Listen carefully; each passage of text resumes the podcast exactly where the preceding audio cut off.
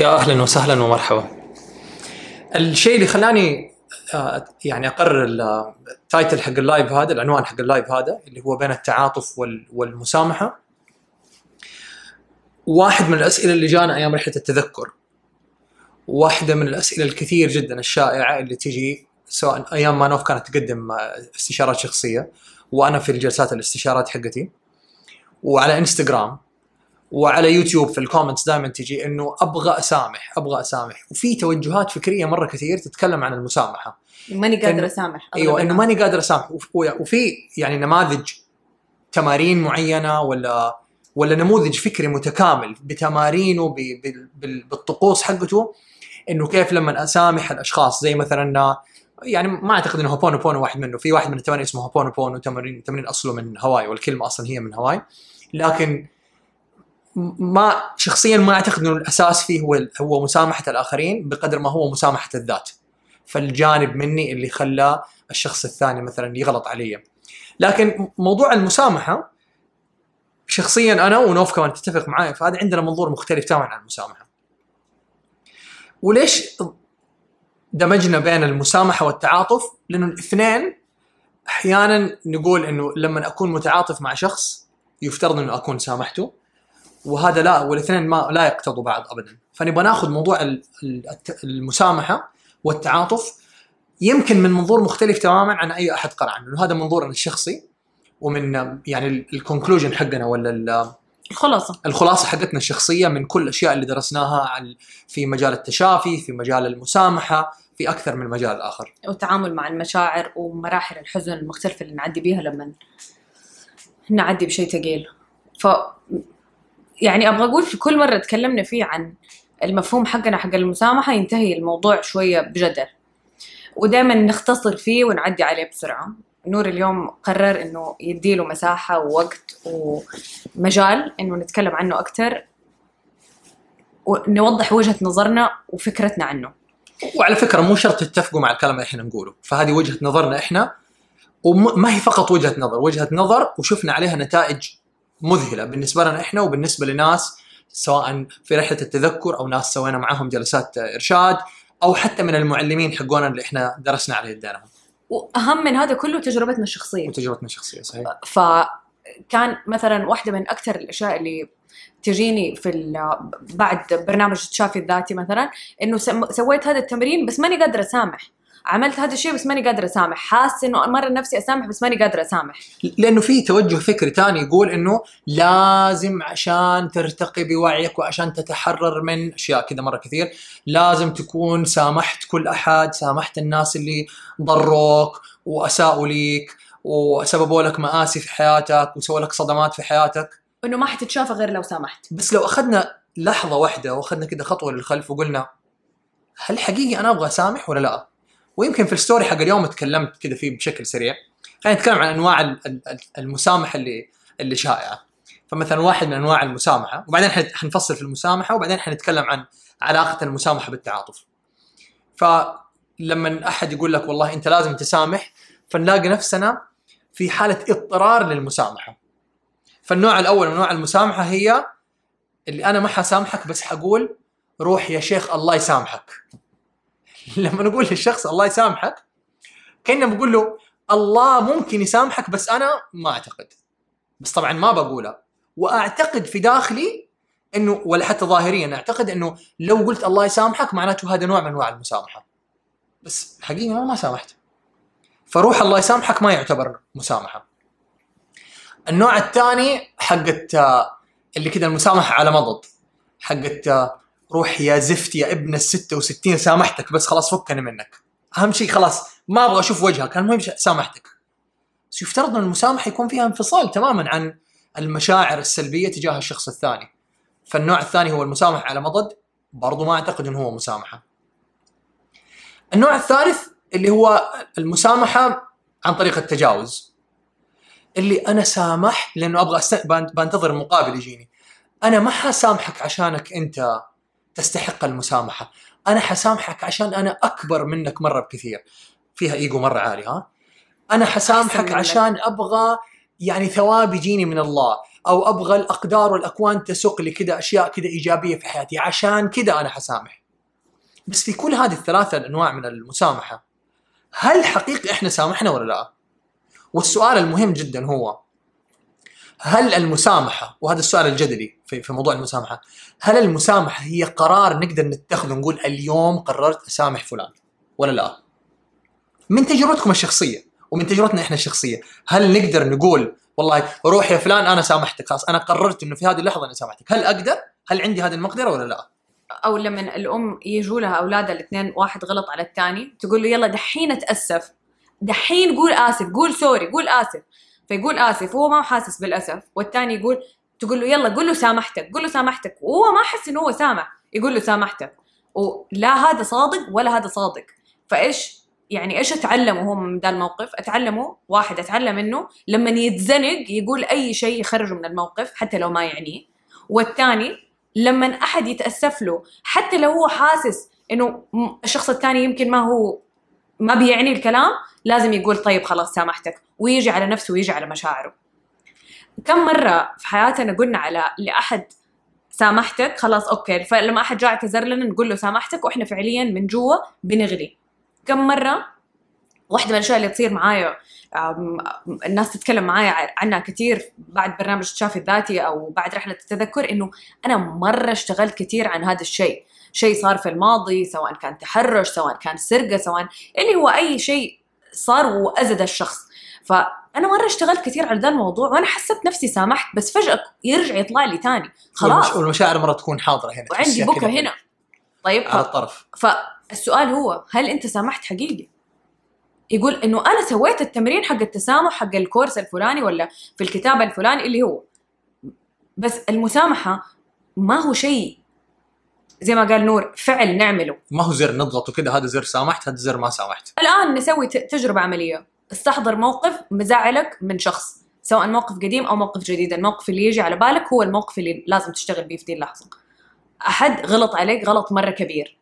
ما يفرق مين وما يفرق متى. أوكي؟ هل تقدر دحين تقول تضغط زر سامحتك؟ الآن خلص سامحتك. الغالب لا. الغالب إنه طب أنا مرة متأزم من دي القصة ولو ما كنت متأزم لسه من دي القصة كان ما جات على بالي لما نوف سألت ده السؤال. صحيح.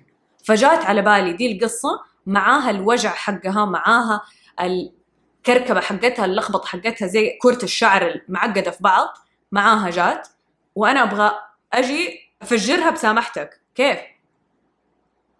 والمنظور يعني عندي أنا منظور كذا مختلف عن المسامحة إنه خليني أقول إنه حأدي كذا مثال كذا يعني سريع. طفلة صغيرة عمرها خلينا نقول سبعة ثمانية سنوات. هذه الطفلة الصغيرة كانوا أحد من أهلها سواء أخوان سواء والدين ما يفرق كل واحد كذا يقيس المثال على نفسه. تم الإساءة لها انضربت وتطشت وتهزأت وتشد شعرها ويعني وتم إهانتها بطرق مختلفة وكل واحد برضو على على مزاجه.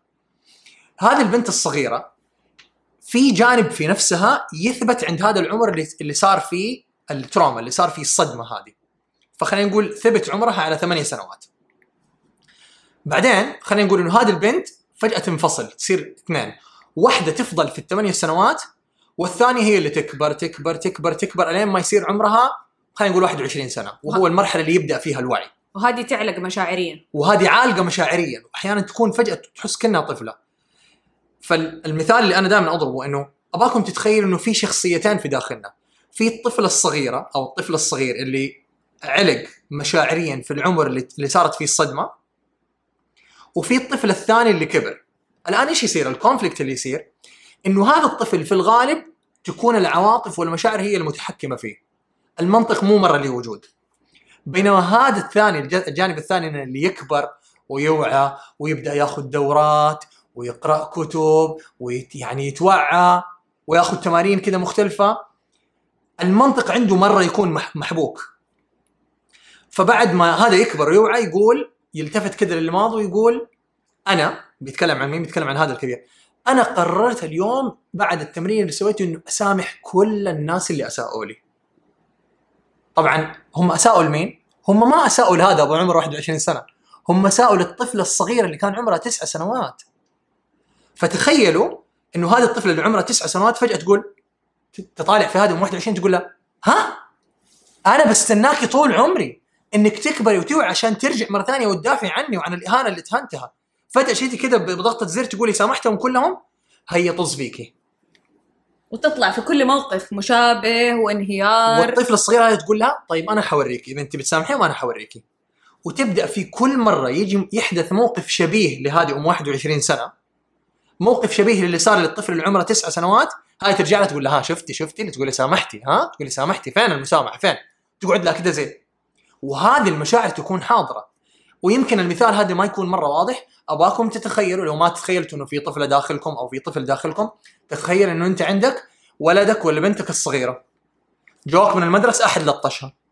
وهي ما هي غلطانة. هي مظلومة 100% وكل الأدلة والبراهين واضحة. تخيلوا إنك شايف طفلتك هذه ملطشة تأخذها من يدها تقول لها ولا كلمة. حنروح المدرسة تروح إلى المدرسة؟ تقول لها مين اللي صارت معاه المشكلة تقول لك هذا يا بابا. هي قولي له سوري. إيش حتقول الطفل الصغير عليكم؟ هل أنتم حتقدروا يعني تغصبوا هذه الطفلة اللي هي انظلمت إنها تتأسف لشخص ثاني؟ هذا بالضبط هو اللي نسويه لنفسنا بيننا وبين نفسنا للطفل الصغير اللي داخلنا اللي اتبهدل واكل هوا لما نقول قررنا إحنا نسامح. أو قول. لا يعني حاسة إنه إنه ده الموقف إنه أخذت كأنك أخذت ابنك على المدرسة وقلت له أي ولد لطشك ويقول لك هذا اللي لطشني وهذاك قدامه كذا يبغى كأنه يلطش زيادة وأنت تقول لولدك قول له سامحتك.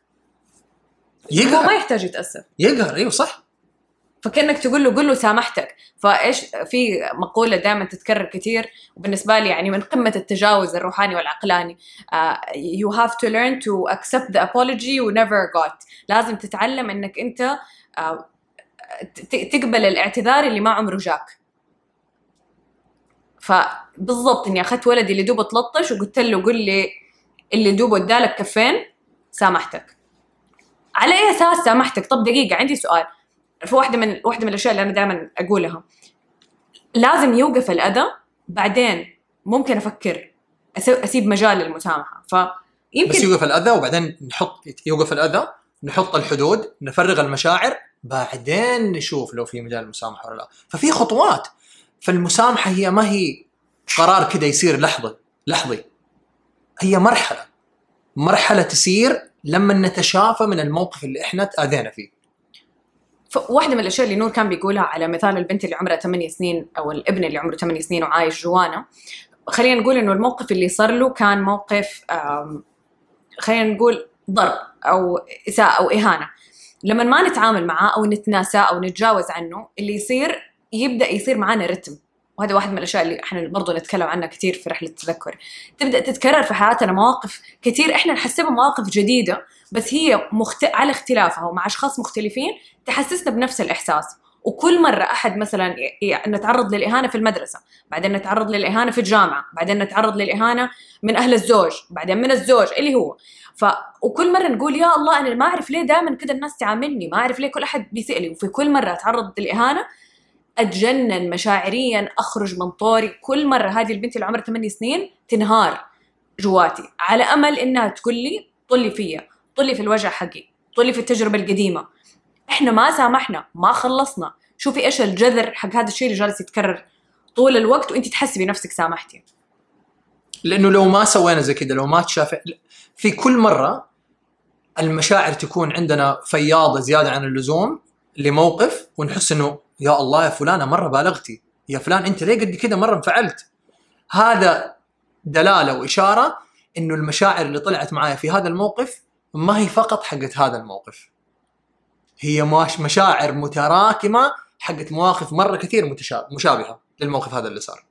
وهذا معناته زي كأنه الأقدار بتيجي تقول لي والطفل الصغيره من جوتي بتقول لي إيش؟ شايف؟ هذا الموضوع لازم نتعامل معاه يلا لازم نتعامل معاه وكل مرة تزيد تزيد تزيد تزيد حدة الموضوع عشان تلفت انتباهي إنه أحتاج إنه أتشافى من هذا الموضوع فإذا ما حصل التشافي مستحيل يصير التسامح مستحيل يصير التسامح زائد إنه أحيانا نلاقي نفسنا إحنا مضطرين للمسامحة أحد يجي أحد يتوسط يقول خلاص سامحوا أو نقول لبعض إيش؟ سامحوا لوجه الله كذا كأنه يحط كذا يعني إيش؟ ضغط أكبر علي إنه روح سامحه لوجه الله لو مو عشانك سامحه عشاني أنا عشان أمك ولا عشان أبوك ولا عشان عشان الثواب عشان الأجر ونلاقي نفسنا كذا بنسامح مضض بعدين فجأة يصير عندنا بركان داخلي وما إحنا عارفين إيش إيش القصد منه. الآن لما نجي نتكلم عن المسامحة ونتكلم الآن خلينا ندخل في في موضوع التعاطف. هل عندك شيء عن المسامحة؟ كنت بقول شيء جو هيد بين المسامحه والتعاطف كنت أبغى ابرج ذا جاب طيب كنت أبغى أقول شيء. قبل فترة كان عندنا لقاء سويناه أنا ونور. كان المفروض في إطار يخص جانب مهني بس فجأة توسع الكلام وحكينا دي الحكاية. كثير من الناس عندهم ارتباط بكلمة مسامحة وتسامح إنها كده زي الشعارات الرنانة اللي نقولها السلام والسعادة والسكينة والمسامحة زي كده. وصار ما نفكر مرة كثير بهل هذا شيء حقيقي أقدر أسويه ما أقدر أسويه ينفع لي ما ينفع لي هل وقته مو وقته؟ خلاص بس نتشعبط فيه و... وما يعني ما نفكر في قديش هو عملي بالنسبة لنا. ف وإنه كأنه ربطنا الوعي والوعي بالذات أو التشافي بالمسامحة. فكان كذا أحد في هذا اللقاء يعني بيقول إنه لا كيف ما يصير زي كده فضربت مثال وقتها. لو بنت كانت طول فترة المراهقة في حياتها تتعرض مثلا للتحرش من أخوها. وبعدين وقف هذا التحرش وهي كملت حياتها عادي وزي مرة كثير من مواقف التحرش كل أحد يتعامل كأنه ما صار شيء بسبب مشاعر الخزي والعار اللي تتكون. خلينا نقول إنه سافر يدرس ورجع مرة ثانية المهم هم الاثنين عايشين في نفس البيت. هي قفلت على الموضوع وهو قفل على ذا الموضوع وما حد بيتكلم عن الموضوع. هي يمكن نسيت الموضوع. وما بتفكر فيه تعاملت كأنه ما صار. بعدين قررت هي من ضمن رحلة الوعي حقتها والتشافي انها هي تشتغل على نفسها من وسط من ضمن شغلها على نفسها فجأة افتكرت هذا الموقف القديم أو هذا الشيء اللي صار.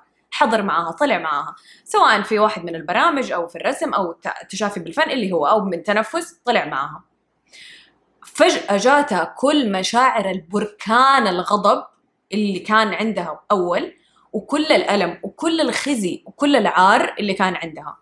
هل يعقل إنه هذه البنت أنا أقول لها اليوم أنت دحين في رحلة الوعي حقتك لازم تسامحي وتتعاملي كأنه هذا الشيء ما صار. لا. طيب خلينا نقول إنه هي مرة زعلت ومرة استاءت وبعدين من ضمن ال- ال- التعاليم اللي هي بتدرسها إنه في حكمة إنه هذا الشيء صار لك، في سبب. إنه هذا الشيء صار لك. أخوك هذا لما كان صغير فجأة اكتشفت إنه هذا الأخ لما كان صغير هو تعرض لتحرش جنسي مثلا من السواق.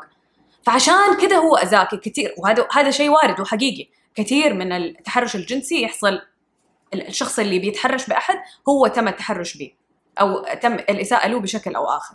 فهي دحين فهمت فلما فهمت حزنت على أخوها وتعاطفت معاه إنه يا الله مرة يحزن إنه هو كده صار له بعدين فجأة إيش قالت؟ خلاص ما دام أنا تعاطفت معاه لازم على طول أسامحه. أنا فهمت. ومن هنا تحصل النطة من أنا مرة متألمة ل فهمت أنت فين وتعاطفت معاك ليه خلاص أنا أحس بنفسي إنه أنا خلاص سامحتك خلاص. طب الوجع حقي. السنين هذيك كلها الطويله إيش سوي فيها؟ هذا على افتراض إنه هو علاقته بها كويسة اليوم غير لو كان بيأذيها أو العلاقة فيها إساءة. طب اللي بيصير إنه كذا أحد يقول إنه ماني قادر أشوف وشه.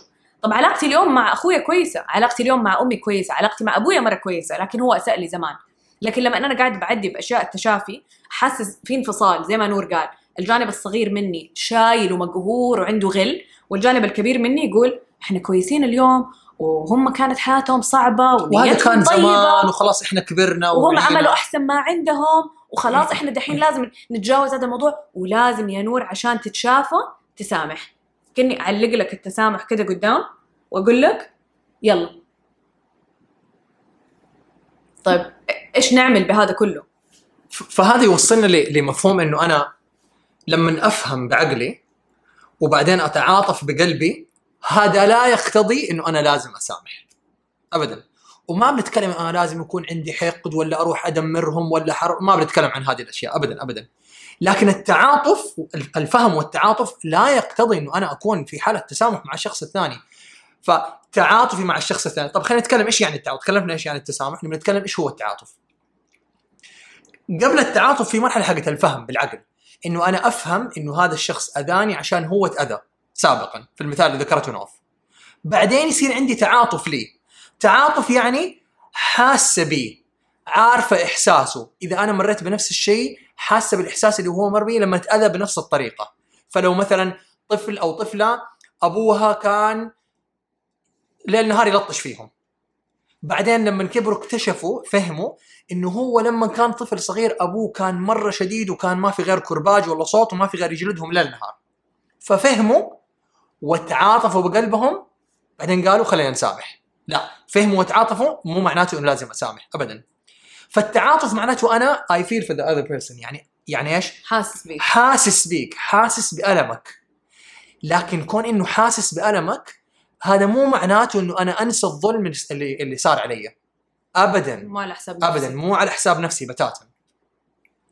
هي مرحلة نور. هي مرحلة. بس هي مرحلة يعني واحدة من الخطوات اللي لو قلنا إنه إحنا طالعين درج باتجاه السلام أنا ما حسمي باتجاه المسامحة. طالعين درج باتجاه السلام. واحدة من هذه الدرجات هي الفهم بالعقل العقل الفهم بالعقل التعاطف بالقلب.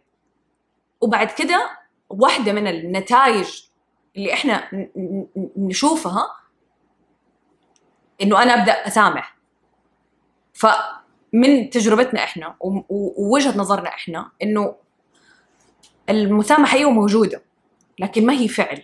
هي نتيجة. نتيجة لكذا شيء. واحد وقف الأذى. ما في أحد بيأذيني أو ده الشخص ما بيأذيني بنفس الطريقة. فواحدة تقول زوجها يلطشها لازم تسامحيه. أسامحه كيف؟ هو لسه بيلطشني. ومرة قرأتها في واحد من الكتب إنه مرة شيء عظيم إنه قدرت تسامحه. بعد ما سامحته قدرت تخرج من العلاقة. مرة صعب إنه أنا سامح أحد لسه مستمر يأذيني. يمكن هذه تجربة شخصية. وزبطت مع شخص معين.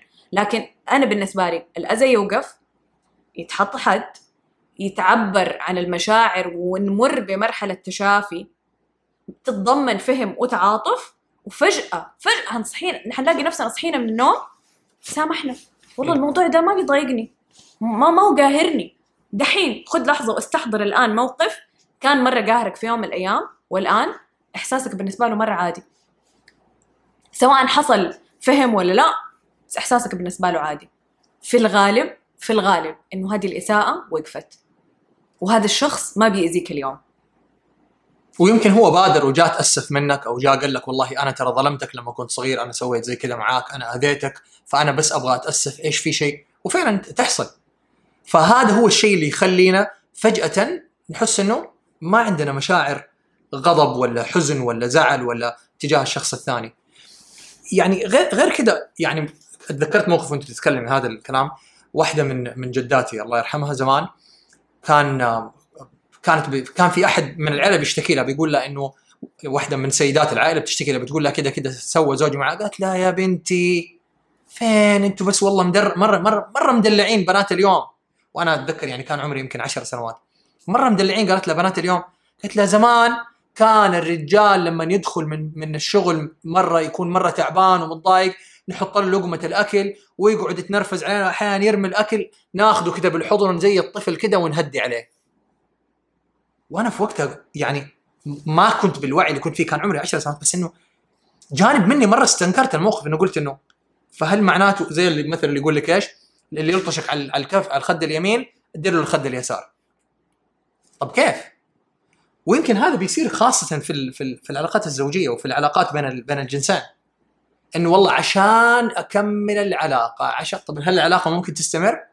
قطعا ممكن تستمر. لكن السؤال هو كيف حتستمر العلاقة؟ هل هي حتكون علاقة منتجة؟ هل حتكون علاقة سعيدة؟ هل حتكون فيها مودة؟ هل حتكون فيها رحمة؟ ولا علاقه كلها كل واحد بيستنى على الثاني زلة عشان ينفجر كذا وينكت له الماضي والحاضر؟ افتكرت موقف صار معايا. ماني فا... يمكن تكلمت عنه قبل كده كان وأنا صغيرة أبويا كان مرة مهم عنده إنه إحنا ما نخرج لوحدنا. ابدا. ولا أي مكان نروح لوحدنا. لو حنزور أصحابنا لو حنروح السوق لو حنروح أي مكان غالبا لازم ماما تيجي معانا أو الدادة تيجي معانا. إنه مستحيل. أي نزور أي أحد بدون ما أمي تكون معانا. وكان هذا الشيء مرة خانقني وكان مرة مضايقني إنه طول الوقت لازم في شخص يكون معانا ممنوع نروح أصحابنا عند أصحابنا أو نخرج مطعم مثلا حتى في سنين المراهقة غير لازم أحد يكون طول الوقت معانا.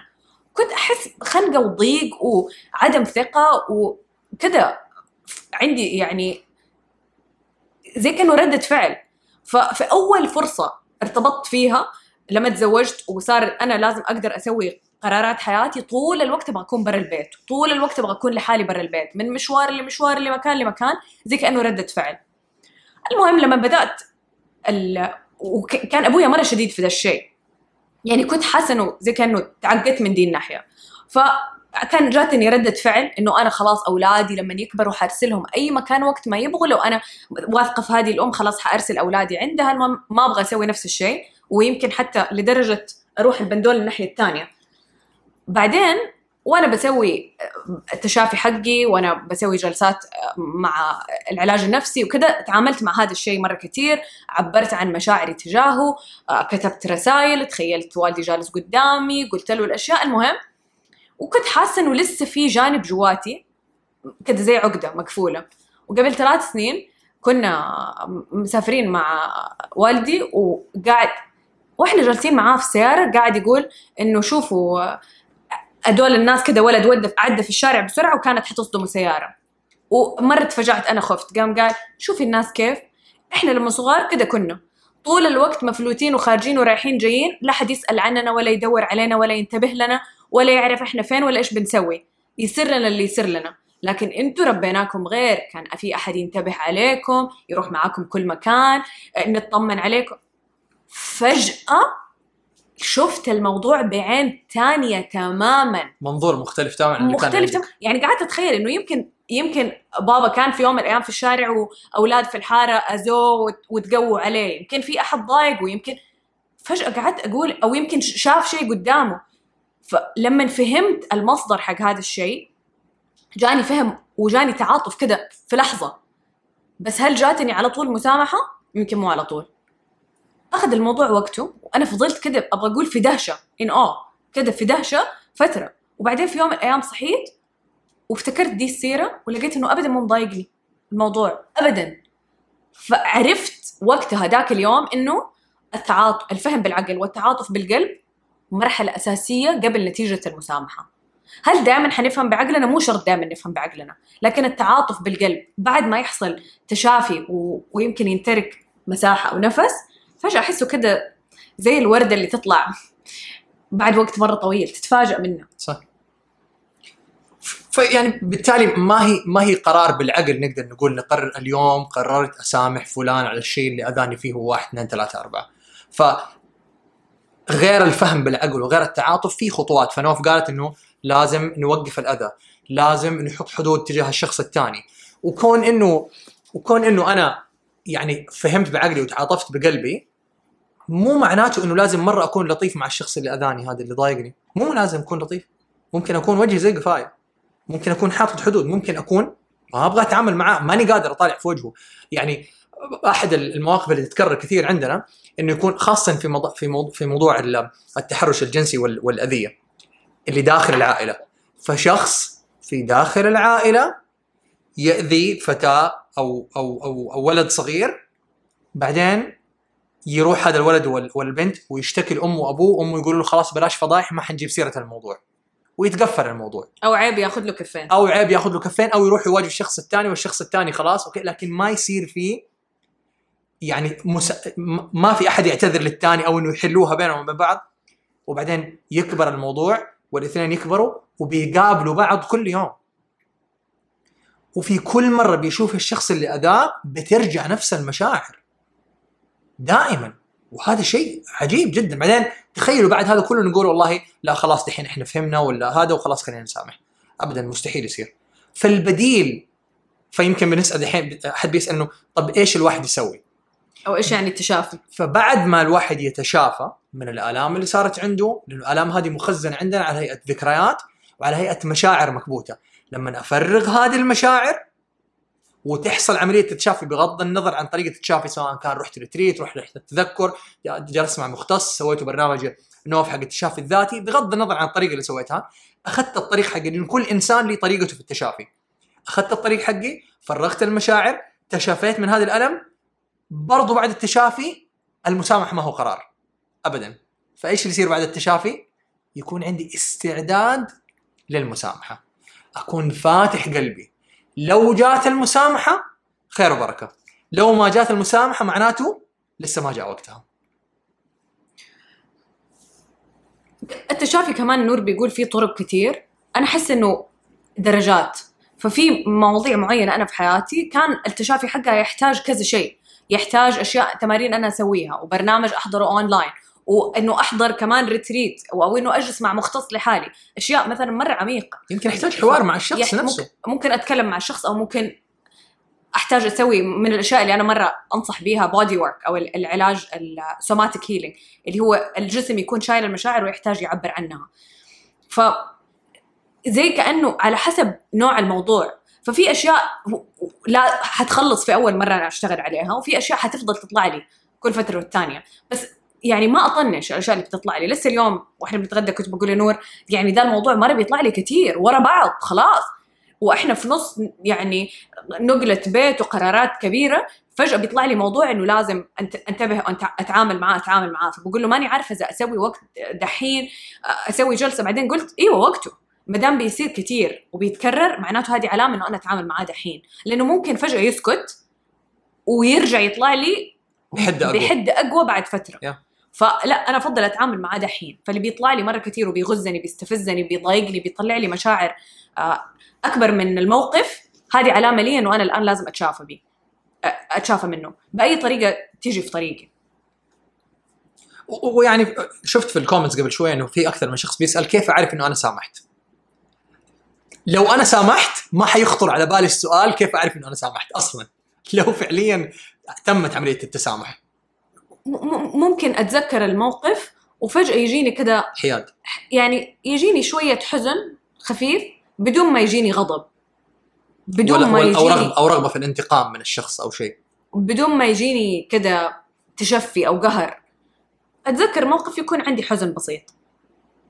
أو ما عندي إحساس أي شيء دحين. يكون عندي مو... يكون عندي مشاعري حياد محايدة تماما. ما يكون عندي شيء سلبي ولا ولا شيء إيجابي تجاه الشخص. إنه عادي. يعني ممكن لو قابلته اليوم دحين أسلم عليه. مو لازم أخذه بالأحضان بس ما عندي كذا ما عندي لخبطة مشاعري ما عندي لخبطة مشاعرية تجاه الشخص هذا. فاستقرار أكبر أبغى أقول وم- وما عندنا إن- انفعال. ما, ما إحنا رياكتيف ما إحنا ما إحنا في حالة انفعال. كمان علامة تانية إنه ده الموضوع خلص إنه ما بيتكرر في واقعي اليوم بأشكال مختلفة. ما بتصير معايا اليوم أشياء حتى لو تانية بتجيب لي نفس الإحساس. فالموقف الأول كان مثلا ما أعرف خيانة من صاحبتي لي في المدرسة. بعدين فجأة يتكرر خيانة من آه، أختي. بعدين خيانة من خطيبي. بعدين خيانة لو بيتكرر في شيء. وفي شيء الجذر حقه مو مو, مو في الآن في اللحظة في هذا الموقف. هذا الموقف مجرد نسخة. محدثة من من الموقف الاصلي القديم اللي صار زمان لما كان عمري سبعة ولا ثمانية سنوات. عجيب إنه يعني اليوم بعد ما كنت بتكلم مع نوف وقلت لها خلينا نسوي اللقاء حق حق ال- التعاطف وال- والمسامحة. آه واحدة من من المعلمات حقتنا أنا ونوف اسمها دونا لانكاستر الفترة الأخيرة بتطلع لنا مرة كثير وبنتكلم عنها مرة كثير كانت حاطة اليوم post وحشاركه بعد بعد ال live هذا.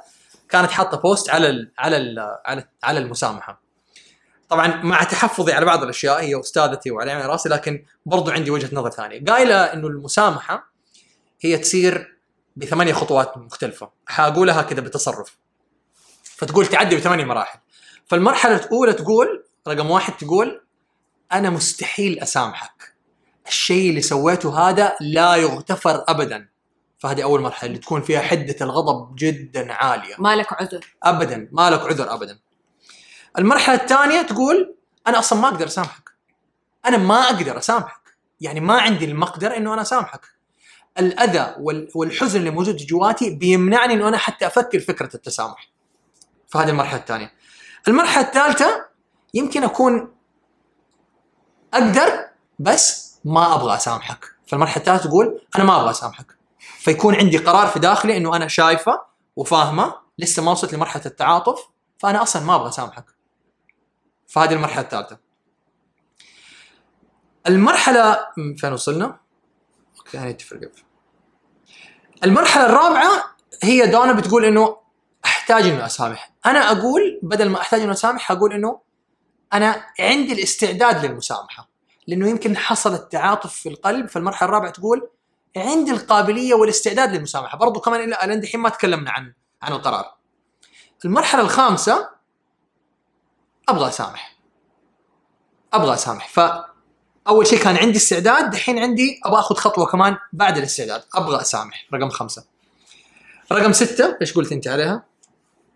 رقم ستة آه، دونا قالت سامحت آه، كانت بتقول أنا سامحك زي كأنها فعل.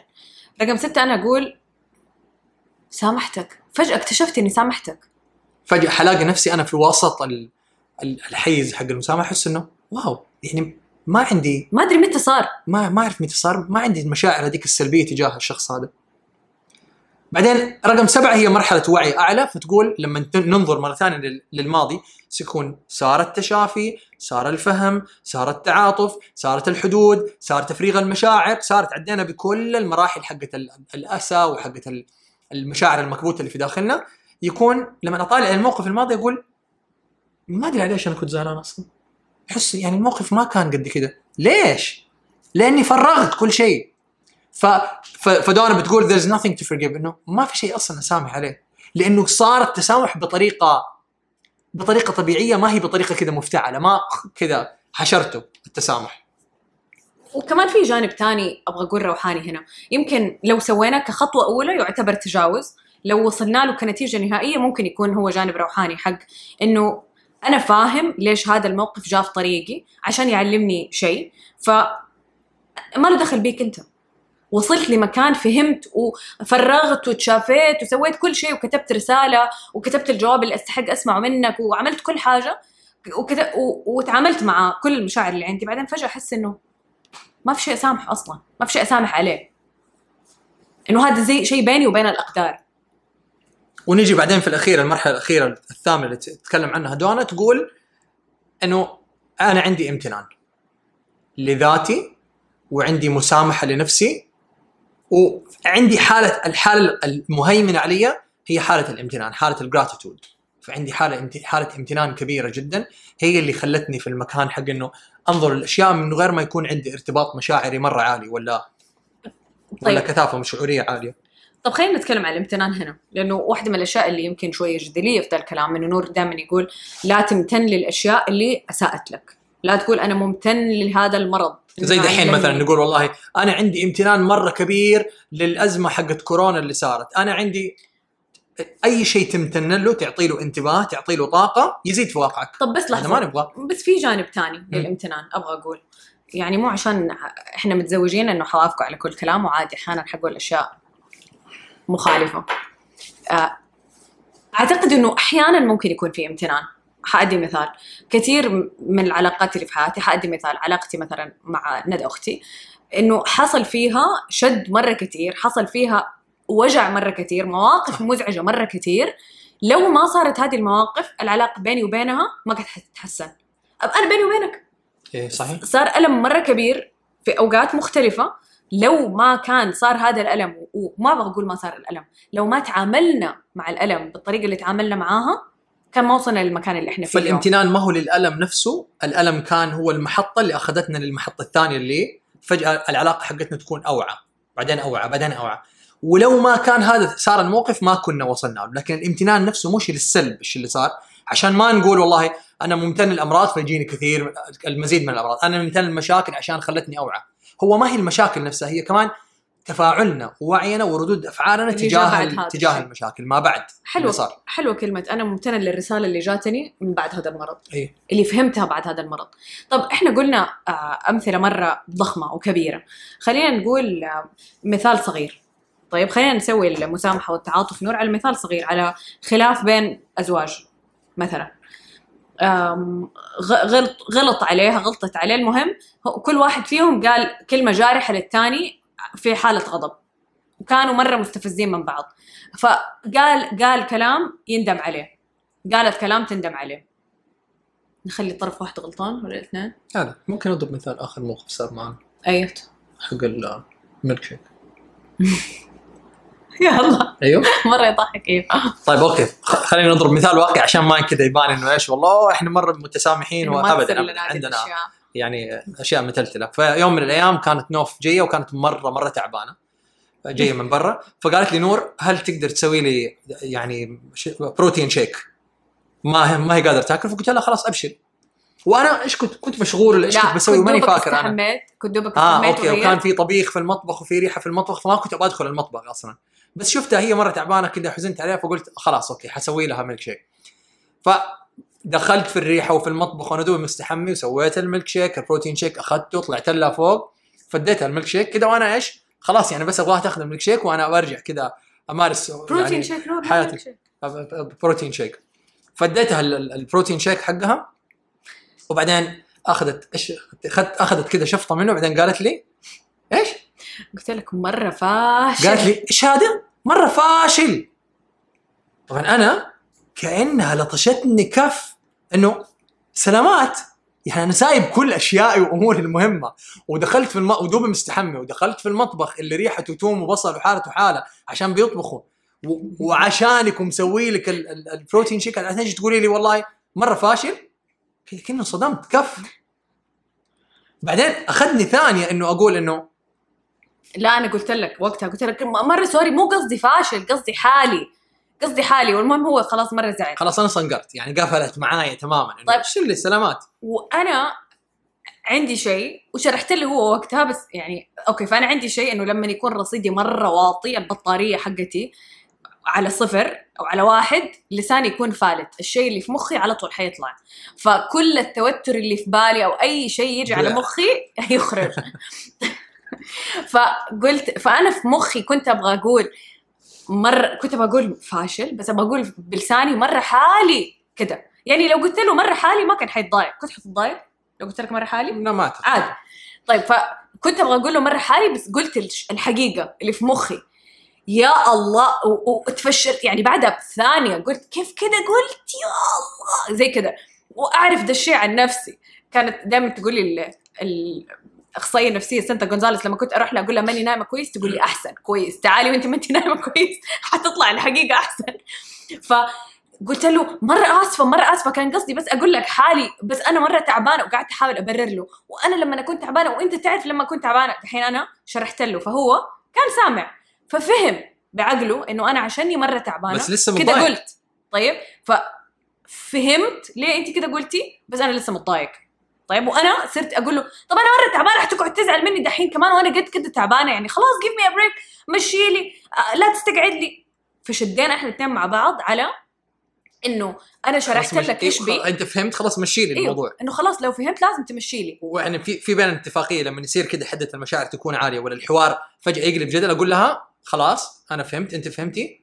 لا تستيك بريك أيوه تقول أحتاج وقت. خلاص أنا أحتاج وقت. خليني أضبط الموضوع كذا جواتي أفهمه أرتب أموري أرتب مشاعري بعدين نجي نتكلم لما نكون إحنا الاثنين رايقين. واحيانا يستفز هذه الجملة تستفز إنه أحتاج وقت. بس بتعلم أكثر وأكثر إنه إيوه الوقت مرة مفيد.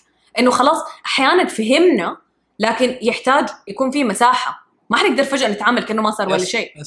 فيقول لي طيب خلاص اسمحي لي أتضايق. ففجأة سكت كده.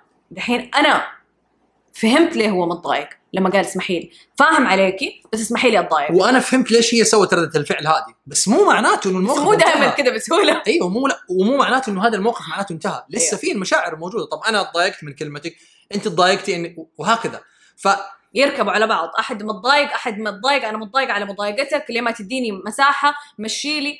زي كذا. فبعد ما يصير الفهم وتتكون مساحة في الوسط المساحة حقت الوقت هذه ممكن تكون خمسة دقائق ممكن تكون نص ساعة ممكن تكون يوم كامل في في ظل المساحة هذه في وسط المساحة هذه يصير عملية الفهم والتعاطف بيننا وبين بعض بعدين يصير الحوار الحقيقي. لا، وتصير المسامحه أي حوار. نور. أيوه. أي حوار يصير قبل كده حيقلب جدال. أنت قلتي أنت قلت صوتي يعدى وصوت خلاص. واجيب القديم وأنا كنت أضحي وأنا كنت أسوي يوم واحد طلبت منك تسوي لي هذا الكلام اللي فجأة. وحتى اللغة التون كذا خلاص يا شيخ مشي تقولي طب خلاص يلا مشيت لك. لا مشي ولا مشيت لك. ما ما انتهى الموضوع لأنه بيصير يعني بيصير قبل ما تتكون المساحة حقت الحوار الحقيقيه وكل و... الحوار اللي فيه واحد بيحاول يفوز على الثاني ما ما له آخر ما له أيوه. آخر. بس بس أبغى أقول شيء. صح. ما, ما هو دائما سهل. ومو ده إحنا اخترنا مثال دحين آه كان سهل بسيط. بس هو مو دائما بدي السهولة. يعني أحيانا نحتاج أسبوع أحيانا نحتاج أيام. يعني حرام مو أسبوع أحيانا نحتاج أيام. بس نور كان بيقول كلمة واحدة إنه في دي في دي المساحة اللي بعد ما يصير الموقف ونحتاج نبعد أو نسكت بشرط في ذا الوقت ما نسوي الكلام الدق أو passive aggression لا عادي عادي عادي ما في شيء ما في شيء زي كذا. ففي أنا لسه نور قال أنا لسه متضايق بس في احترام. ما حيقل مو أنا لسه متضايق وفي قلة ذوق أو في كلام وحش أو في دق. خلاص أنا فاهم أنت ليه كذا سويتي بس اسمحي لي أتضايق. Yeah. وبتعلم وهو بيتعلم إنه عادي لو شخص اساء لي فهمت أتأسف برضو عادي أتضايق. وأحيانا في, في أشياء نحس كأنها كذا مصطنعة أحيانا نستخدمها. يعني مثلا زي يعني كلمة تعلمناها من من آه، اللقاء حق ويل سميث مع مع زوجته. أوه wow. مرة كان لقاء رهيب فظيع. كان. يعني ممكن نشارك الرابط حقه أنا ونوف لاحقا. فويل سميث جالس مع زوجته ومع أو أو آه، ومع أمها أم زوجته وبنته. وبنته. وبيسووا حوار على طريقة الأشياء اللي. متفقين the red table اسم اسم الحلقة موجود على يوتيوب. واستخدمتها كم مرة في في أكثر من موقف يصير معاك إنه خلاص نكون مرة مولعين فأقول له أسمع نوف أنا ماني قادر أكون لطيف معاك دحين فخلينا ناجل الحوار. فكانت هذه هي الكود حقت إنه طيب خلاص نتكلم بعدين حتى لو بعصبية. خلاص نتكلم بعدين. ونأخذ بريك بعدين نرجع مرة ثانية يكون حصل الفهم حصل التعاطف تكونت المساحة اللي في الوسط اللي أقدر أسمع منها وجهة نظرها تسمع وجهة نظري. بعدين فجأة نلاقي نفسنا في وسط عملية التسامح. خلاص صارت إيوه لا, لا نقدر نتكلم كلام حقيقي ونتيجته تكون آه، فهم تعاطف بالقلب بعدين فجأة تحصل مسامحة. حتى عشان هذا الموقف صغير حق العصير عدى يعني بسرعة. بس اللي كان بيقوله ويل سميث إنه كان هو دائما يبغى يقول لمرته إنه أنا أبغى أخرج. وهي تستا إنه أنا قاعدة أتكلم معاك وأنت تبي تخرج. مرة مستفز إنه يجي له إحساس تخلي اباندمنت أو إنه ما ما خلصنا كلام في أي فرصة حتيجي تهرب. فقال صرت أقول لها كلمة وأنا مرة حتى وأنا معصب أقول لها ما عندي اللطف الكافي الآن إنه أتكلم معاكي. لا ما عندي لا ما ماني قادرة أتكلم معاكي باللطف اللي أنت تستحقيه مني الآن. فلازم أخرج.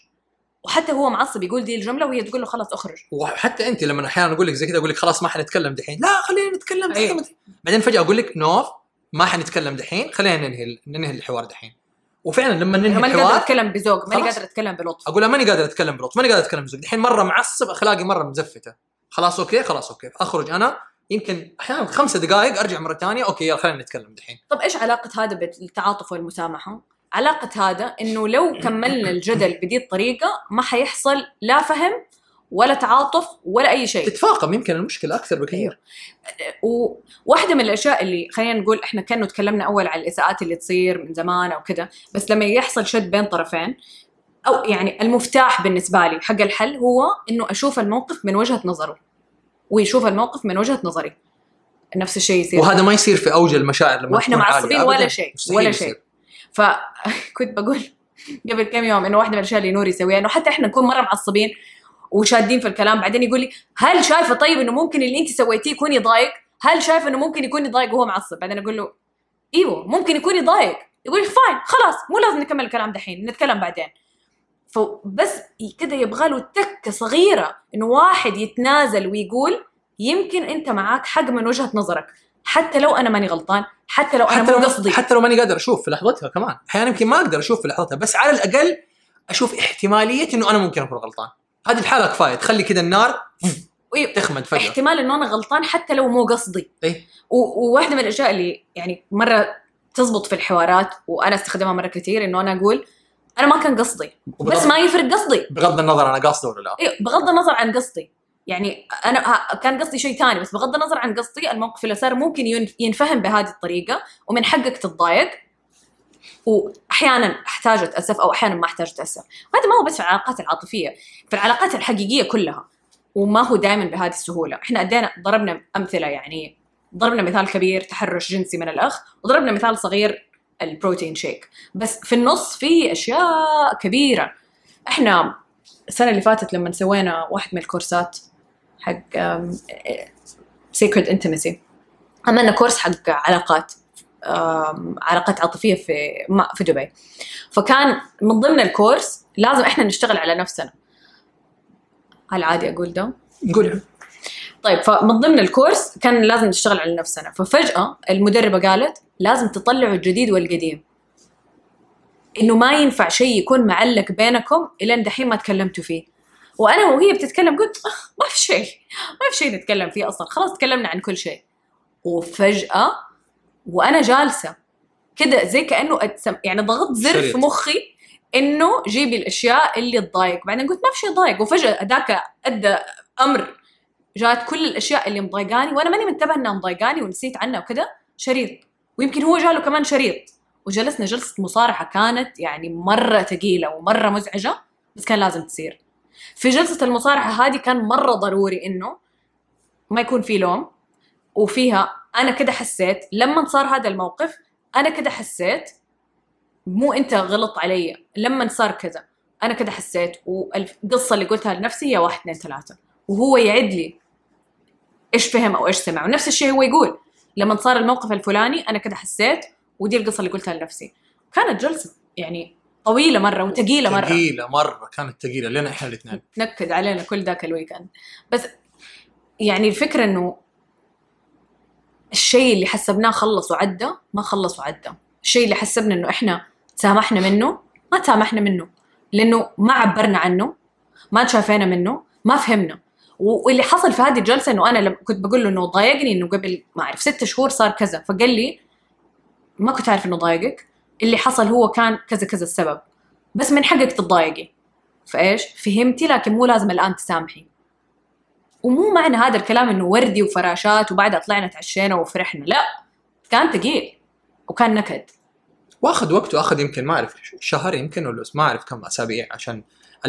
ترجع المشاعر مرة ثانية الحده على حسب الموقف. مرة ثانية على حسب المواقف اللي ممكن تصير. طيب في, ناس بيقولوا في, ال... في الكومنتس كمان إنه هذا يتطلب أحيانا انه يكونوا الطرفين واعيين. هل دائما إحنا الاثنين وعينا بنفس مستوى وع- وعي بعض؟ ابدا. أحيانا المشاكل اللي عندنا تخلي واحد مننا فجأة يخش في دور الطفل ولا فجأة يدخل في دور المراهق ولا فجأة يصير إنه لا أنا ماني غلطان شوفي انت أول إيش سويتي. لكن وعي الطرفين حقيقي جدا مهم. لكن إيش يصير لو كان طرف واحد واعي والثاني في ال bye bye؟ الطرف اللي في ال bye bye ارسلوا له هذا ال live. ممكن. طب دقيقة. هذه الآليات اللي دوبنا تكلمنا معاكم فيها بعضها حقتي وبعضها حقت نور. ف يعني لما نور قال لي إنه أنا ترى لما حعصب أنا حأخرج.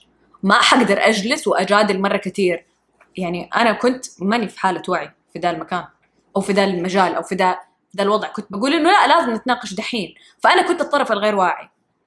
فهو حط حد وأصر إنه يسوي ذا الشيء بطريقته وإلين ما أنا وصلت لمكان إني فهمت. فكنت مفرفرة ومتضايقة. بعدين لما رجع ووصلنا المكان في النص لما أنا كنت لما أنا هديت فهمت إنه صح.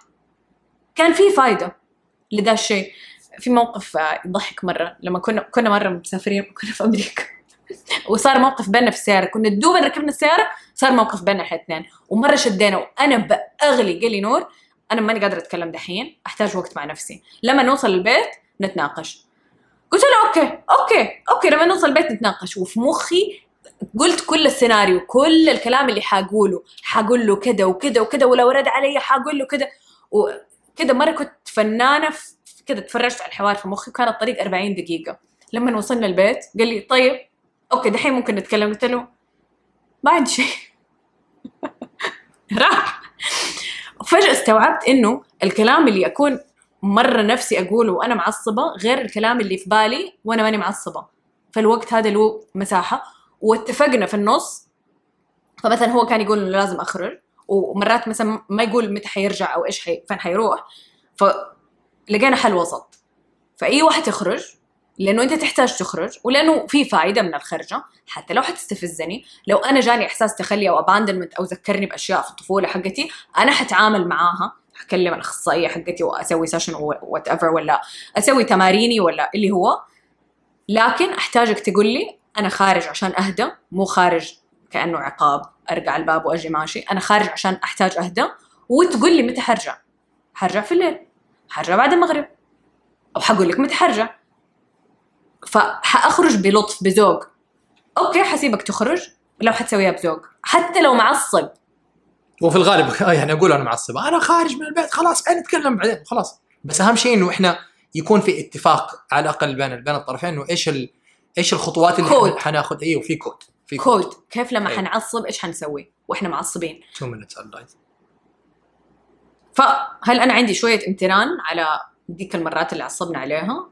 شوية. عندي امتنان إنه كيف تعاملنا؟ وإيش الكود اللي خرجنا به اليوم؟ وما هو في أحسن حالاته. يعني أعرف إنه حيتطور وحيتحسن.